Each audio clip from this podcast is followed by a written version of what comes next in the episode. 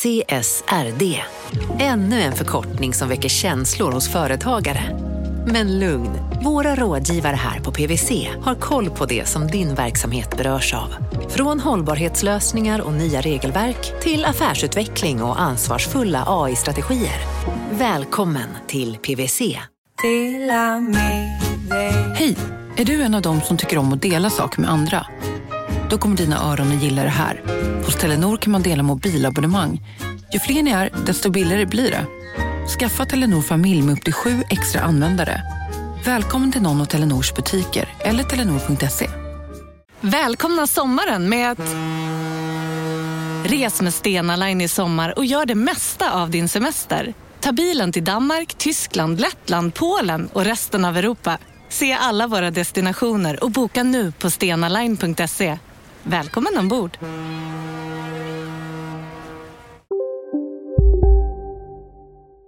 Det här är Kapitalet med mig, Jakob Bursell.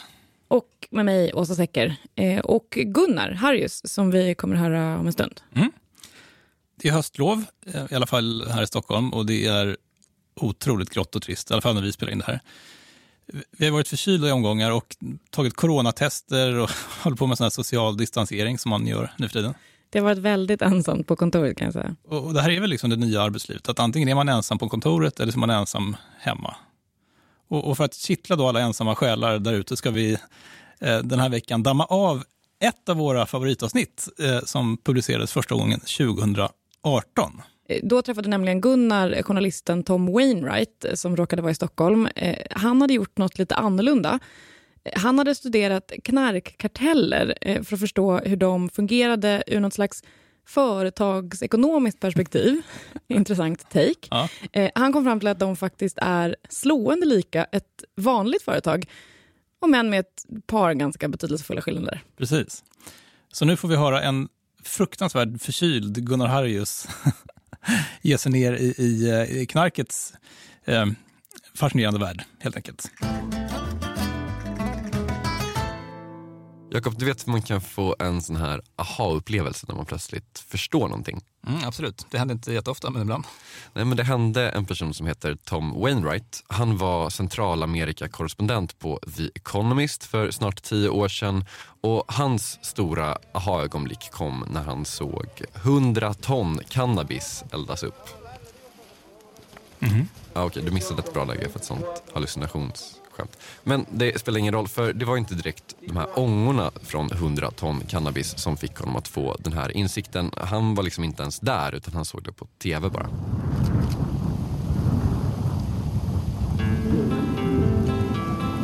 Ja, vi såg det här klippet innan eh, du visade mig på datorn. En massa militärer som gör ett enormt eh, bål, typ en majbrasa eh, gånger tio med cannabis.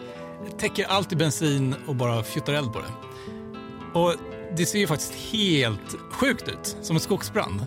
Och det ser verkligen ut som en skogsbrand. Det är liksom helt otroligt. Det, liksom så här, det fattar ju verkligen eld så otroligt fort och det brinner så jävla bra. Och det är, alltså det är så mycket cannabis de sätter eld på. Och den här enorma cannabisbrasan den tände de i Mexiko, i Tijuana där den mexikanska polisen då hade beslagtagit all den här cannabisen. Och det här bålet hade väl lite av ett symbolvärde, liksom visa vem som bestämmer. Men också vad ska man göra liksom, när man har hittat 100 ton cannabis? Men det är alltså när han ser det här som, som Tom Wainwright får sin aha-upplevelse. För på nyheterna så säger de att all den här cannabisen är värd 500 miljoner dollar. Och Tom Wainwright tycker rättmätigen att det här är helt sjukt. För inget företag en som det liksom Apple vill förlora en halv miljard. Hur kunde de låta det här ske? Men sen så började Tom Wainwright kolla på siffrorna. And it turned out that what they'd done was that they'd looked at the retail price of cannabis in the United States, which is where these drugs were, were going to, and they'd said, okay, it's about $5 per gram. So 100 tons in Mexico must be worth about $500 million. When you think about it for just a minute, it's crazy to calculate the value that way, using retail prices in the States to calculate the value of a massive wholesale consignment in Mexico. Imagine if you did that with something like coffee, for example. If you tried to calculate the value of a bag of coffee beans in Mexico using the retail price of a cup of coffee in Starbucks in New York or in Stockholm. Så Tom kollar på vad det här är värt egentligen. Han kollar på försäljningspriset av rå cannabis i Mexiko och kommer fram till att den här 500 miljoner dollar stora högen egentligen är värd 10 miljoner dollar. Och han börjar fundera. If we're actually overestimating the value of things like that, what else are we getting wrong and what else might we discover if we applied a bit of economics?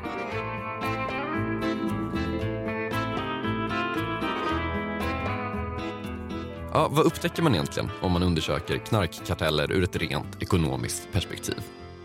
Till skillnad från de flesta aha-upplevelser som folk får så gjorde faktiskt Tom Wainwright någonting av sin. Och han upptäckte otroligt intressanta saker. Och I dagens avsnitt så delar han med sig av de här sakerna. Jag heter Jakob Bursell, i studion finns även Gunnar Harrius och den här veckan pratar vi om knark. En enorm industri som skiljer sig väldigt mycket från alla andra världens stora industrier men som också visar upp slående likheter med några av världens största företag. Du lyssnar på Kapitalet.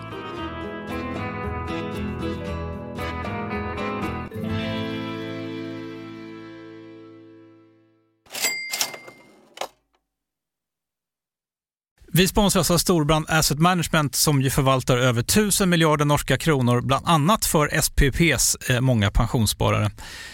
För två år sedan så investerade Storbrand i drygt 60 tåg, alltså tågvagnar, eh, som rullar mellan London och Skottland. De leasar sedan de här tågvagnarna till tågoperatören som alltså kör tågen och säljer biljetter och sånt eh, med ett avtal på 27 år. Så britterna får nya fina tåg och storbrandskunder, eh, däribland alltså SPPs pensionssparare, får en inflationsskyddad avkastning med låga risker under lång tid.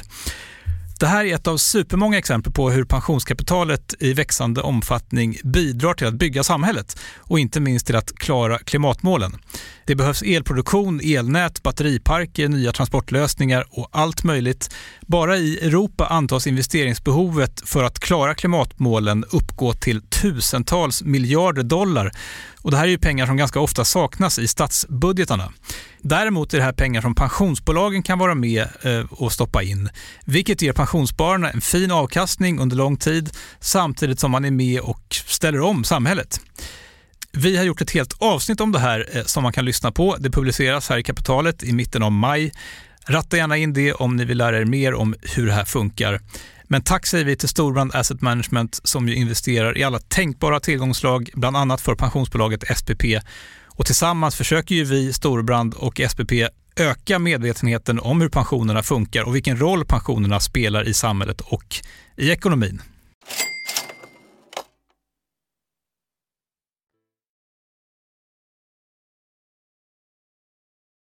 Vi brukar inte göra den här typen av intervjuer. Tom Wainwright är i Stockholm på någon slags pressturné. Han gör reklam för sin bok Narconomics som handlar om hur narkotikamarknaden eh, fungerar.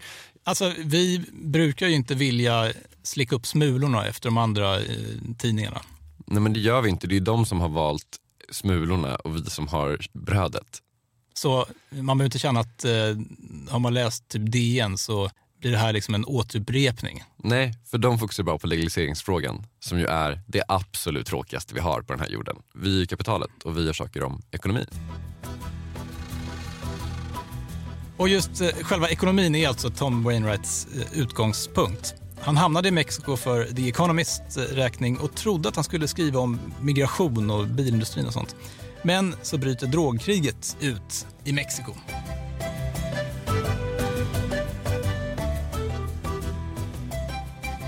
Suddenly the, the drug story became the big story. And so I found that I was writing about regular business one week and the drugs business the next week. And the more I did this combination of writing about business one week, drugs the next, the more I realized that actually the drugs business really is a business. And it realized, uh, it occurred to me that it has lots in common with other businesses.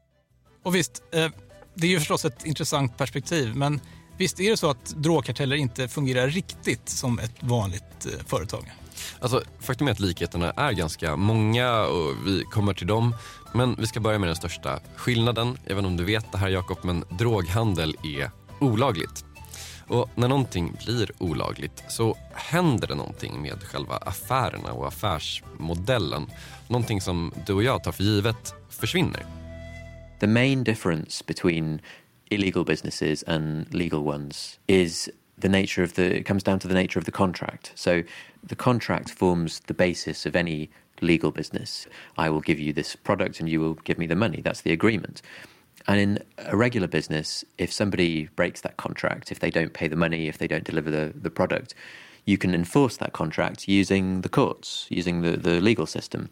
And of course, by definition, any illegal business can't do this. If you agree to sell someone some drugs or, uh, or any other illegal product, and somebody breaks the contract by not paying or by not providing the product, you plainly can't go to the police, you can't use the courts. And that's why in organized crime businesses, there's so much violence, because the only way to enforce contracts is through the use or the threat of violence. You can't use the courts, you have to be able to enforce contracts. And so physical force is, is what people use. And it's the reason that illegal uh, industries are inherently violent by their nature. It's not just that the people running them are particularly horrible people, although they are horrible people. The, the, the economic logic of their businesses is that violence and, and the ability to project violence is an absolutely crucial attribute for anybody in this industry. Så vadå? Alla filmer som är fyllda av olika skurkar som mördar varandra, typ Gudfadern, de hade inte sett ut så om de hade kunnat ha legala kontrakt. Ja, typ. Alltså, men när man tänker på det så är det ganska rimligt. De flesta gillar ju liksom inte att skada andra människor. Alltså, vissa gör ju säkert det, så lite våld skulle det finnas. Men generellt så gillar inte människan det. Men jag menar, vad ska man göra? Någon har blåst dig, du kan inte gå till polisen. Vad gör du? Ja, pengarna måste rulla in. Exakt. Men faktum är att det finns ett typ av kontrakt som faktiskt är skriftligt. Eh, även om det här kontraktet kanske inte gäller i ett rättssystem. The tattoos thing uh, it has a kind of economic basis. When you meet these gang members in El Salvador, they're covered in tattoos which have the name of the gang on them. From the point of view of the gang or the cartel, it serves an economic purpose because imagine in a normal business, you have to keep your employees loyal by paying them a reasonable amount, by treating them uh, decently, and so on. And in the the cartel world, often that doesn't happen. The junior people aren't paid very well, and they're certainly not treated very well. And ordinarily, they might go off somewhere else. That would be the, the rational thing to do. They might go and either work for another cartel or go and work in, in a normal business. But as soon as you've got them tattooed with the name of your cartel, often on their face, um, that option is closed off. It makes them completely immobile. It means that their prospects of finding any other job are reduced to more or less zero. Alltså jag tänker direkt på att eh, man ska starta så här laserborttagningskliniker i Mexiko. Ja, är de så perfekta? Metoden? Ja, alltså blir det perfekt efter eller kommer man liksom ana att du har haft någon tatuering under ögat här typ? Jag är ingen expert på frågan. Nej, inte jag heller. Så tatueringarna blir liksom ett slags livstidskontrakt. Har du en tatuering så blir du utstött av resten av samhället. Exakt, och det här gör att man kan behandla de anställda i princip hur man vill. Alltså vad ska du göra? Du kan inte skaffa ett annat jobb. These gangs have total control over their employees. They can treat them terribly. They can pay them nothing. They can send them off on jobs which are highly likely to result in their death or arrest. And there's not very much that these employees can do about it. So the the tattoo um, actually has an economic purpose as well as uh, looking exciting and um, and uh, being something that the gang members uh, like to show off. It actually has a kind of business basis to it. Alltså det här hade ju inte LO gått med på. Du trodde alltså att arbetsvillkoren i en mexikansk drogkartell skulle vara lite bättre. Ah, Okej, okay. men det här med att man blir skickad på uppdrag som kommer sluta i fängelse, det är liksom inte en överdrift. Tom Wainwright berättar om en studie som undersökt kokainsmuggling från Karibien till England. Och alltså, var fjärde smugglare hamnar i fängelse. Man kan ju tänka sig att den här typen av odds borde avskräcka människor från att gå med i karteller till att börja med. Att eh, kartellerna på något sätt borde ha ett HR-problem. Och de har såklart HR-problem, men inte problem med rekrytering. För det som har hänt är att samhället har samlat alla brottsbelastade unga män på ett och samma ställe. Tillsammans då med människor som är med i de här gängen. Mm. Det du beskriver är ju alltså ett fängelse. Och de här fängelserna har blivit de absolut främsta arbetsförmedlingarna för kartellerna. Och liksom att man samlar alla de här personerna på samma ställe har gjort att det har blivit otroligt lätt att ersätta arbetskraft. They've priced their workers very low, but that's actually rational because it's so easy for them to replace them. It shouldn't be, but because of prisons in particular, it is extremely easy to replace them. that actually uh, their value is, is minimal because if someone is killed or arrested, you can get a new person in 10 minutes. Men grejen med det här är att eh, även om de kan ersätta de anställda väldigt lätt eh, när de blir tagna med några kilo kokain på fickan så kan de inte ersätta själva kokainet. Exakt. Det här med att var fjärde transport av droger mellan Karibien och England stoppas av polisen det är liksom någonting man måste räkna med om man driver en business. Transportkostnaderna är helt enkelt enorma. Ett kilo kokain kostar fyra gånger mer norr om gränsen till USA än söder om gränsen. Precis, och det är liksom för att det är så otroligt riskfyllt och svårt att ta kokain över den här gränsen. Så det finns såklart saker som är väldigt avvikande med den här marknaden men det finns också saker som gör att kokainmarknaden är väldigt lik en vanlig legal marknad. Till exempel menar Tom Wainwright så har de mexikanska kokainkartellerna en stor likhet med världens största företag. Vad det är efter det här.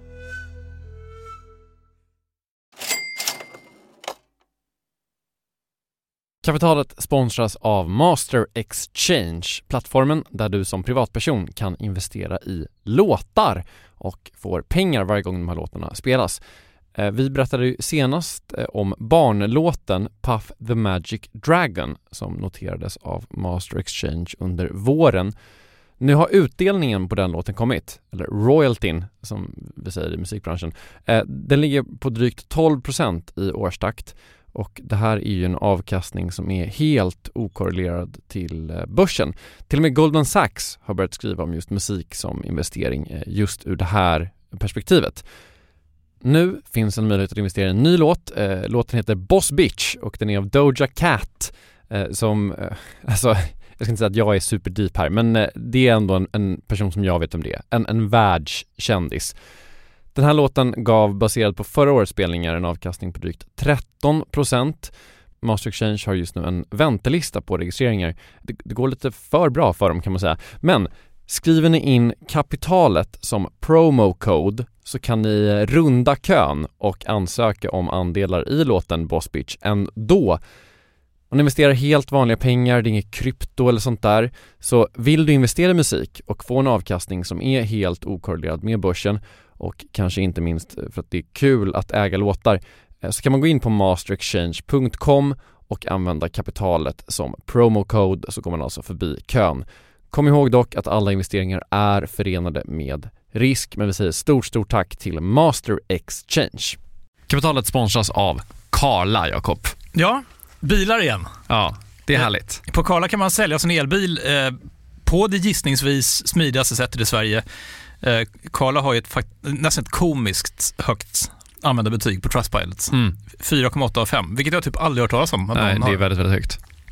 Eh, man knappar in lite info om bilen på sidan, sen får man en gratis värdering och ett bud. Accepterar du budet kommer Karla och hämtar upp bilen gratis och sätter in pengarna innan de kör iväg.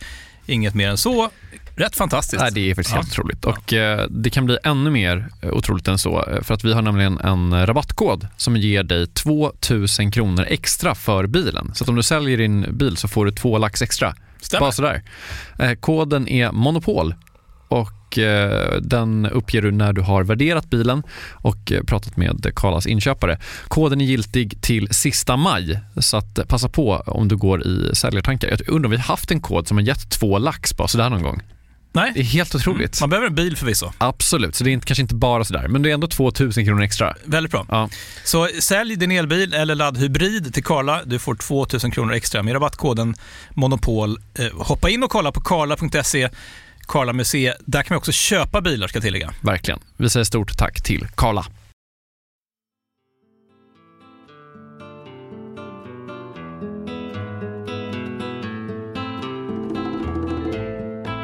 Grunden för allt företagande och kanske grunden för allt som pågår i samhället bygger ju som bekant på två saker. Utbud och efterfrågan. Och som vi inledde det här avsnittet eh, så görs det hela tiden försök från stater, från polis och militär exempelvis, att begränsa utbudet. När man bränner 130 ton cannabis i Tijuana så är det ett försök att begränsa utbudet. Och det här gäller såklart inte bara cannabis en av de absolut mest värdefulla produkterna som kartellerna säljer är kokain. Och kokain är speciellt. Man gör det av bladen från kokabusken och all världens blad växer i tre länder. Peru, Colombia och Bolivia. Och I de här länderna har man gjort otroligt stora ansträngningar för att stoppa odlarna. Hälften av alla odlade kokalöv har förstörts de senaste åren. Och då tänker man såklart att det här borde ju påverka priset på kokain radikalt. Hälften av allt potentiellt utbud har försvunnit och efterfrågan är densamma. För efterfrågan är densamma. Det är knarkare vi snackar om. Det som rimligtvis borde hända är att priset på kokain fördubblas. Men, eh, och det här är då mysteriet, det har det inte. Priset har till och med sjunkit i många delar av världen. So i went to South America with with the um, aim of finding out what's going on, and I think there are two things that help to explain this. One is what in the book I call the Walmart effect. Walmart-effekten. Så här, om du odlar kokablad i typ Peru, där det mesta växer, så är det väldigt troligt att du bara har en kartell som köper av dig. Och Du kan liksom inte gå till en annan kartell och få ett bättre pris. För kartellen du säljer till, de har redan vunnit ett liksom blodigt krig mot den andra kartellen. Och så här är det också för Walmart, eh, fast minus kriget då kanske. Walmart är världens största företag och har en enorm köpkraft. Så pass stor att man på många marknader är den enda köparen faktiskt. Det finns grejer som bara Walmart köper och på så sätt har man då kontroll över producenternas prissättning. Det är Walmart-effekten. Man kan också kalla det för monopsoni, tror jag det uttalas. Det är alltså ett monopol på efterfrågan. Det har Walmart och det har också knarkkartellerna. Säger man monopsoni? Aldrig hört ordet. Det är, det är monopol på efterfrågan i alla fall. And so the cartel carries on paying the same amount even when there's been a big failure in the coca leaf harvest. And this has been demonstrated by uh, one or two studies which have looked at the change in price in areas where there has been eradication and compared it with the change in price in areas where there hasn't been eradication.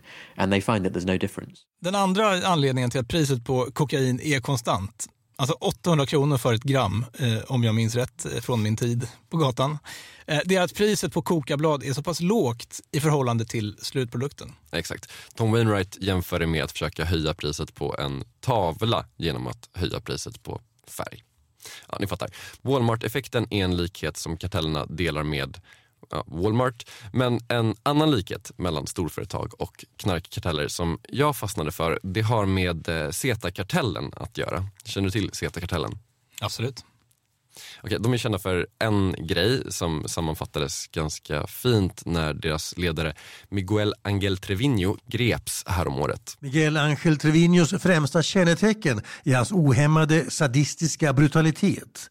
När det förra året uppstod en maktkamp inom Los Zeta efter Lascas, den förre ledarens död, så löste han konflikten genom att inte bara döda utan tortera och lemlästa sina konkurrenter inom organisationen. Alltså det här låter som en riktig svärmorsdröm. Ja, nej, men han kanske inte verkar vara toppen på alla sätt och vis. Och vi återkommer faktiskt till det där, för den här brutaliteten har faktiskt en affärsmässig förklaring. Men det är faktiskt inte det som jag tyckte var intressantast med den här kartellen, utan det intressantaste är deras organisation. När man tänker på en knarkkartell så tänker man ju att det finns någon slags Pablo Escobar-figur högst upp som styr allt. Och visst, eh, det är det vanligaste upplägget. Men CETA-kartellen har en helt annan affärsmodell. They have what looks to me more like a franchising kind of model where instead of sending their own people to uh, new cities to try and take over the drug market there, they send a representative there who actually goes to talk with the local criminals and makes them an offer which really looks like a kind of franchising contract where he or she, well, probably he says, um, okay, we'll do you this deal. We can give you some training, we can give you some uh, weapons, uh, and most importantly, you can use our brand if you want. You can be the local uh, gang, the local cell belonging to the Zetas. And in return, we want to take a cut of your profits every month. And using this deal, the Zetas spread very quickly all through Mexico, uh, all through Central America, and in some cases beyond. There have been reports of Zetas franchises setting up even in uh, in Italy, um, and in I believe they've had some involvement in Australia as well. Och jag måste säga att det här ändå är otroligt. Man kan alltså bli franchisetagare inom typ kokainförsäljning. Men som med alla franchiseföretag så tar man ju liksom en risk när man utfärdar en ny franchise. Om man jämför med typ McDonalds, alltså om en McDonalds-restaurang skulle göra något skandalöst, typ sälja hästkött eller något, så skulle ju hela McDonalds få dåligt rykte. Och samma sak gäller ju för den här kartellen. För några år sedan så mördade en franchisetagare en amerikansk agent, troligtvis av misstag då. Eh, men då fick det här konsekvenser för hela kartellen när amerikanska polisen började ta i med hårdhandskarna mot hela CETA-kartellen. Men för att behålla sitt rykte så har CETA-kartellen och många andra karteller blivit tvungna att genomföra ja, vad man i ett vanligt företag nog skulle kalla för PR. it looks rather different from the kind of public relations that normal companies engage in. The Zetas cartel, which uh, has this franchising model, is particularly keen on uh, public relations, and the way that they do it is to try to make their brand as as terrifying as possible because the way that their franchise works in effect is by selling their brand to um, small criminal groups. So the more terrifying that brand is the more valuable the franchise is. Um, and the way that the Zetas make their brand more famous and, and, terrifying is by committing these appalling acts of violence, which they publicize as best they can. So often the Zetas are the ones who will do things like, you know, cut off people's heads and leave their heads in a public place, or they'll hang bodies from bridges going over motorways and, and that kind of thing. And it, this seems like a strange way for organised crime to do business, really, because often organised crime groups try to keep a low profile. You know, they, they if they murder someone, they don't like to shout about it. But the Zetas are exactly the opposite. They try to get as much publicity as they can for their murders. Tom Wainwright skriver i sin bok att man generellt ska vara lite försiktig i vissa mexikanska städer runt kvart i sex. För då begås det väldigt många mord så att de kan toppa nyhetssändningarna klockan sex. Och anledningen till att eh, de måste syssla med PR det är att det här är en marknad och som på alla andra marknader så finns det konkurrens. Man konkurrerar med våld såklart, men också med pris. Men det är i princip omöjligt att konkurrera om kunder på något annat sätt. För en illegal marknad är ju per definition inte transparent. Nej precis, om du skulle gå ut på gatan här och försöka köpa kokain av någon så skulle du ha problem att jämföra priset och kvaliteten på liksom olika produkter. This morning I wanted to go out for breakfast and I wanted to find out which business in Stockholm offered me the best combination of price and quality for breakfast. And it was quite easy to do that because I could go online and read reviews. If I'd wanted to buy cocaine this morning in Stockholm, which I wouldn't do because given that it's an illegal market, my money would be going to people in Mexico who would use it to kill people. But if I had been wanting to buy it, I wouldn't have known where to begin. And if I'd known one person selling it, the the probably easiest thing to do would have been to go to that person and rather than to compare. So consumers don't have very easy ways of comparing price and competition. Så man kan säga att bekvämligheten eller obekvämligheten är en av de största konkurrensmetoderna för de här kartellerna. Säg att du Jakob ska försöka köpa en fönsterkarm och så åker du ut till ett byggvaruhus i typ Kungens kurva. De ligger ju alltid där. Även om det skulle visa sig att det inte är exakt den fönsterkarmen du hade tänkt köpa eller att det är något litet fel på den så skulle du förmodligen köpa den ändå. För nu är du liksom i Kungens kurva. Men vad ska du göra? Nej, sant. Och, och grejen är att det funkar likadant från andra sidan. Alltså det är svårt för dig som kund att få information om en ny produkt.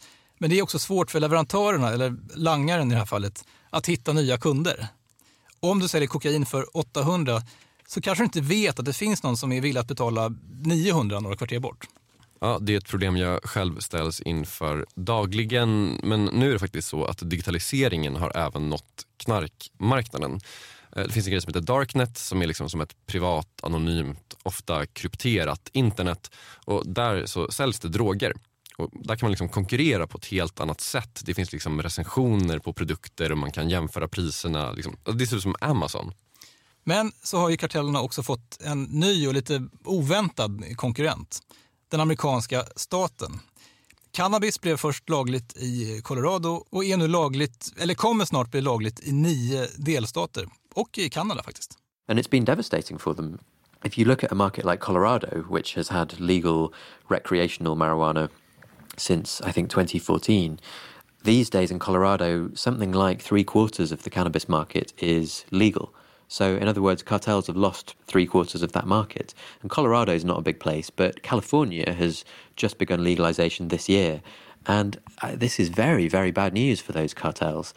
And we see them responding to this already. So some of them are diversifying into other types of crime. Others are diversifying into different drugs. So there's some evidence that farmers who used to grow cannabis in Mexico, some of them are now switching to opium poppies to provide heroin, which is obviously not very encouraging.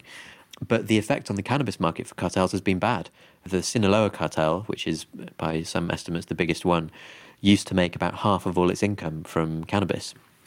And these days, there's no question that it won't be making anything like that much. Uh, people have been finding large amounts of cannabis on the Mexican border being stashed on the Mexican side, which suggests that the cartels are finding it difficult to sell their product in the United States.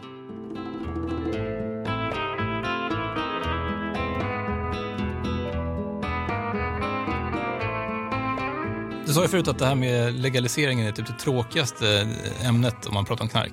Det är ju verkligen, det är alltid så här, två killar på en fest som står i någon fläkt och bara så tuggar i hundra år om liksom, att man borde legalisera cannabis. Det är verkligen det tråkigaste jag vet. Men eftersom legaliseringsfrågan är den tråkigaste frågan du vet så kan vi ju ta och avsluta dagens avsnitt. Men man kan väl kanske summera det här som att visst, det finns likheter mellan knarkkarteller och storföretag men förutsättningarna gör att narkotikamarknaden har sina egenheter. Ja, man kanske kan kalla det för just egenheter. Andra lät han försvinna genom att dumpa dem i stora tankar med frätande syra. Okej, med de här trevliga bilderna så är kapitalet slut för den här veckan. Men vi är tillbaka snart, om en vecka till och med, med sommarens historietema. Tack så mycket för att ni har lyssnat. Hej då!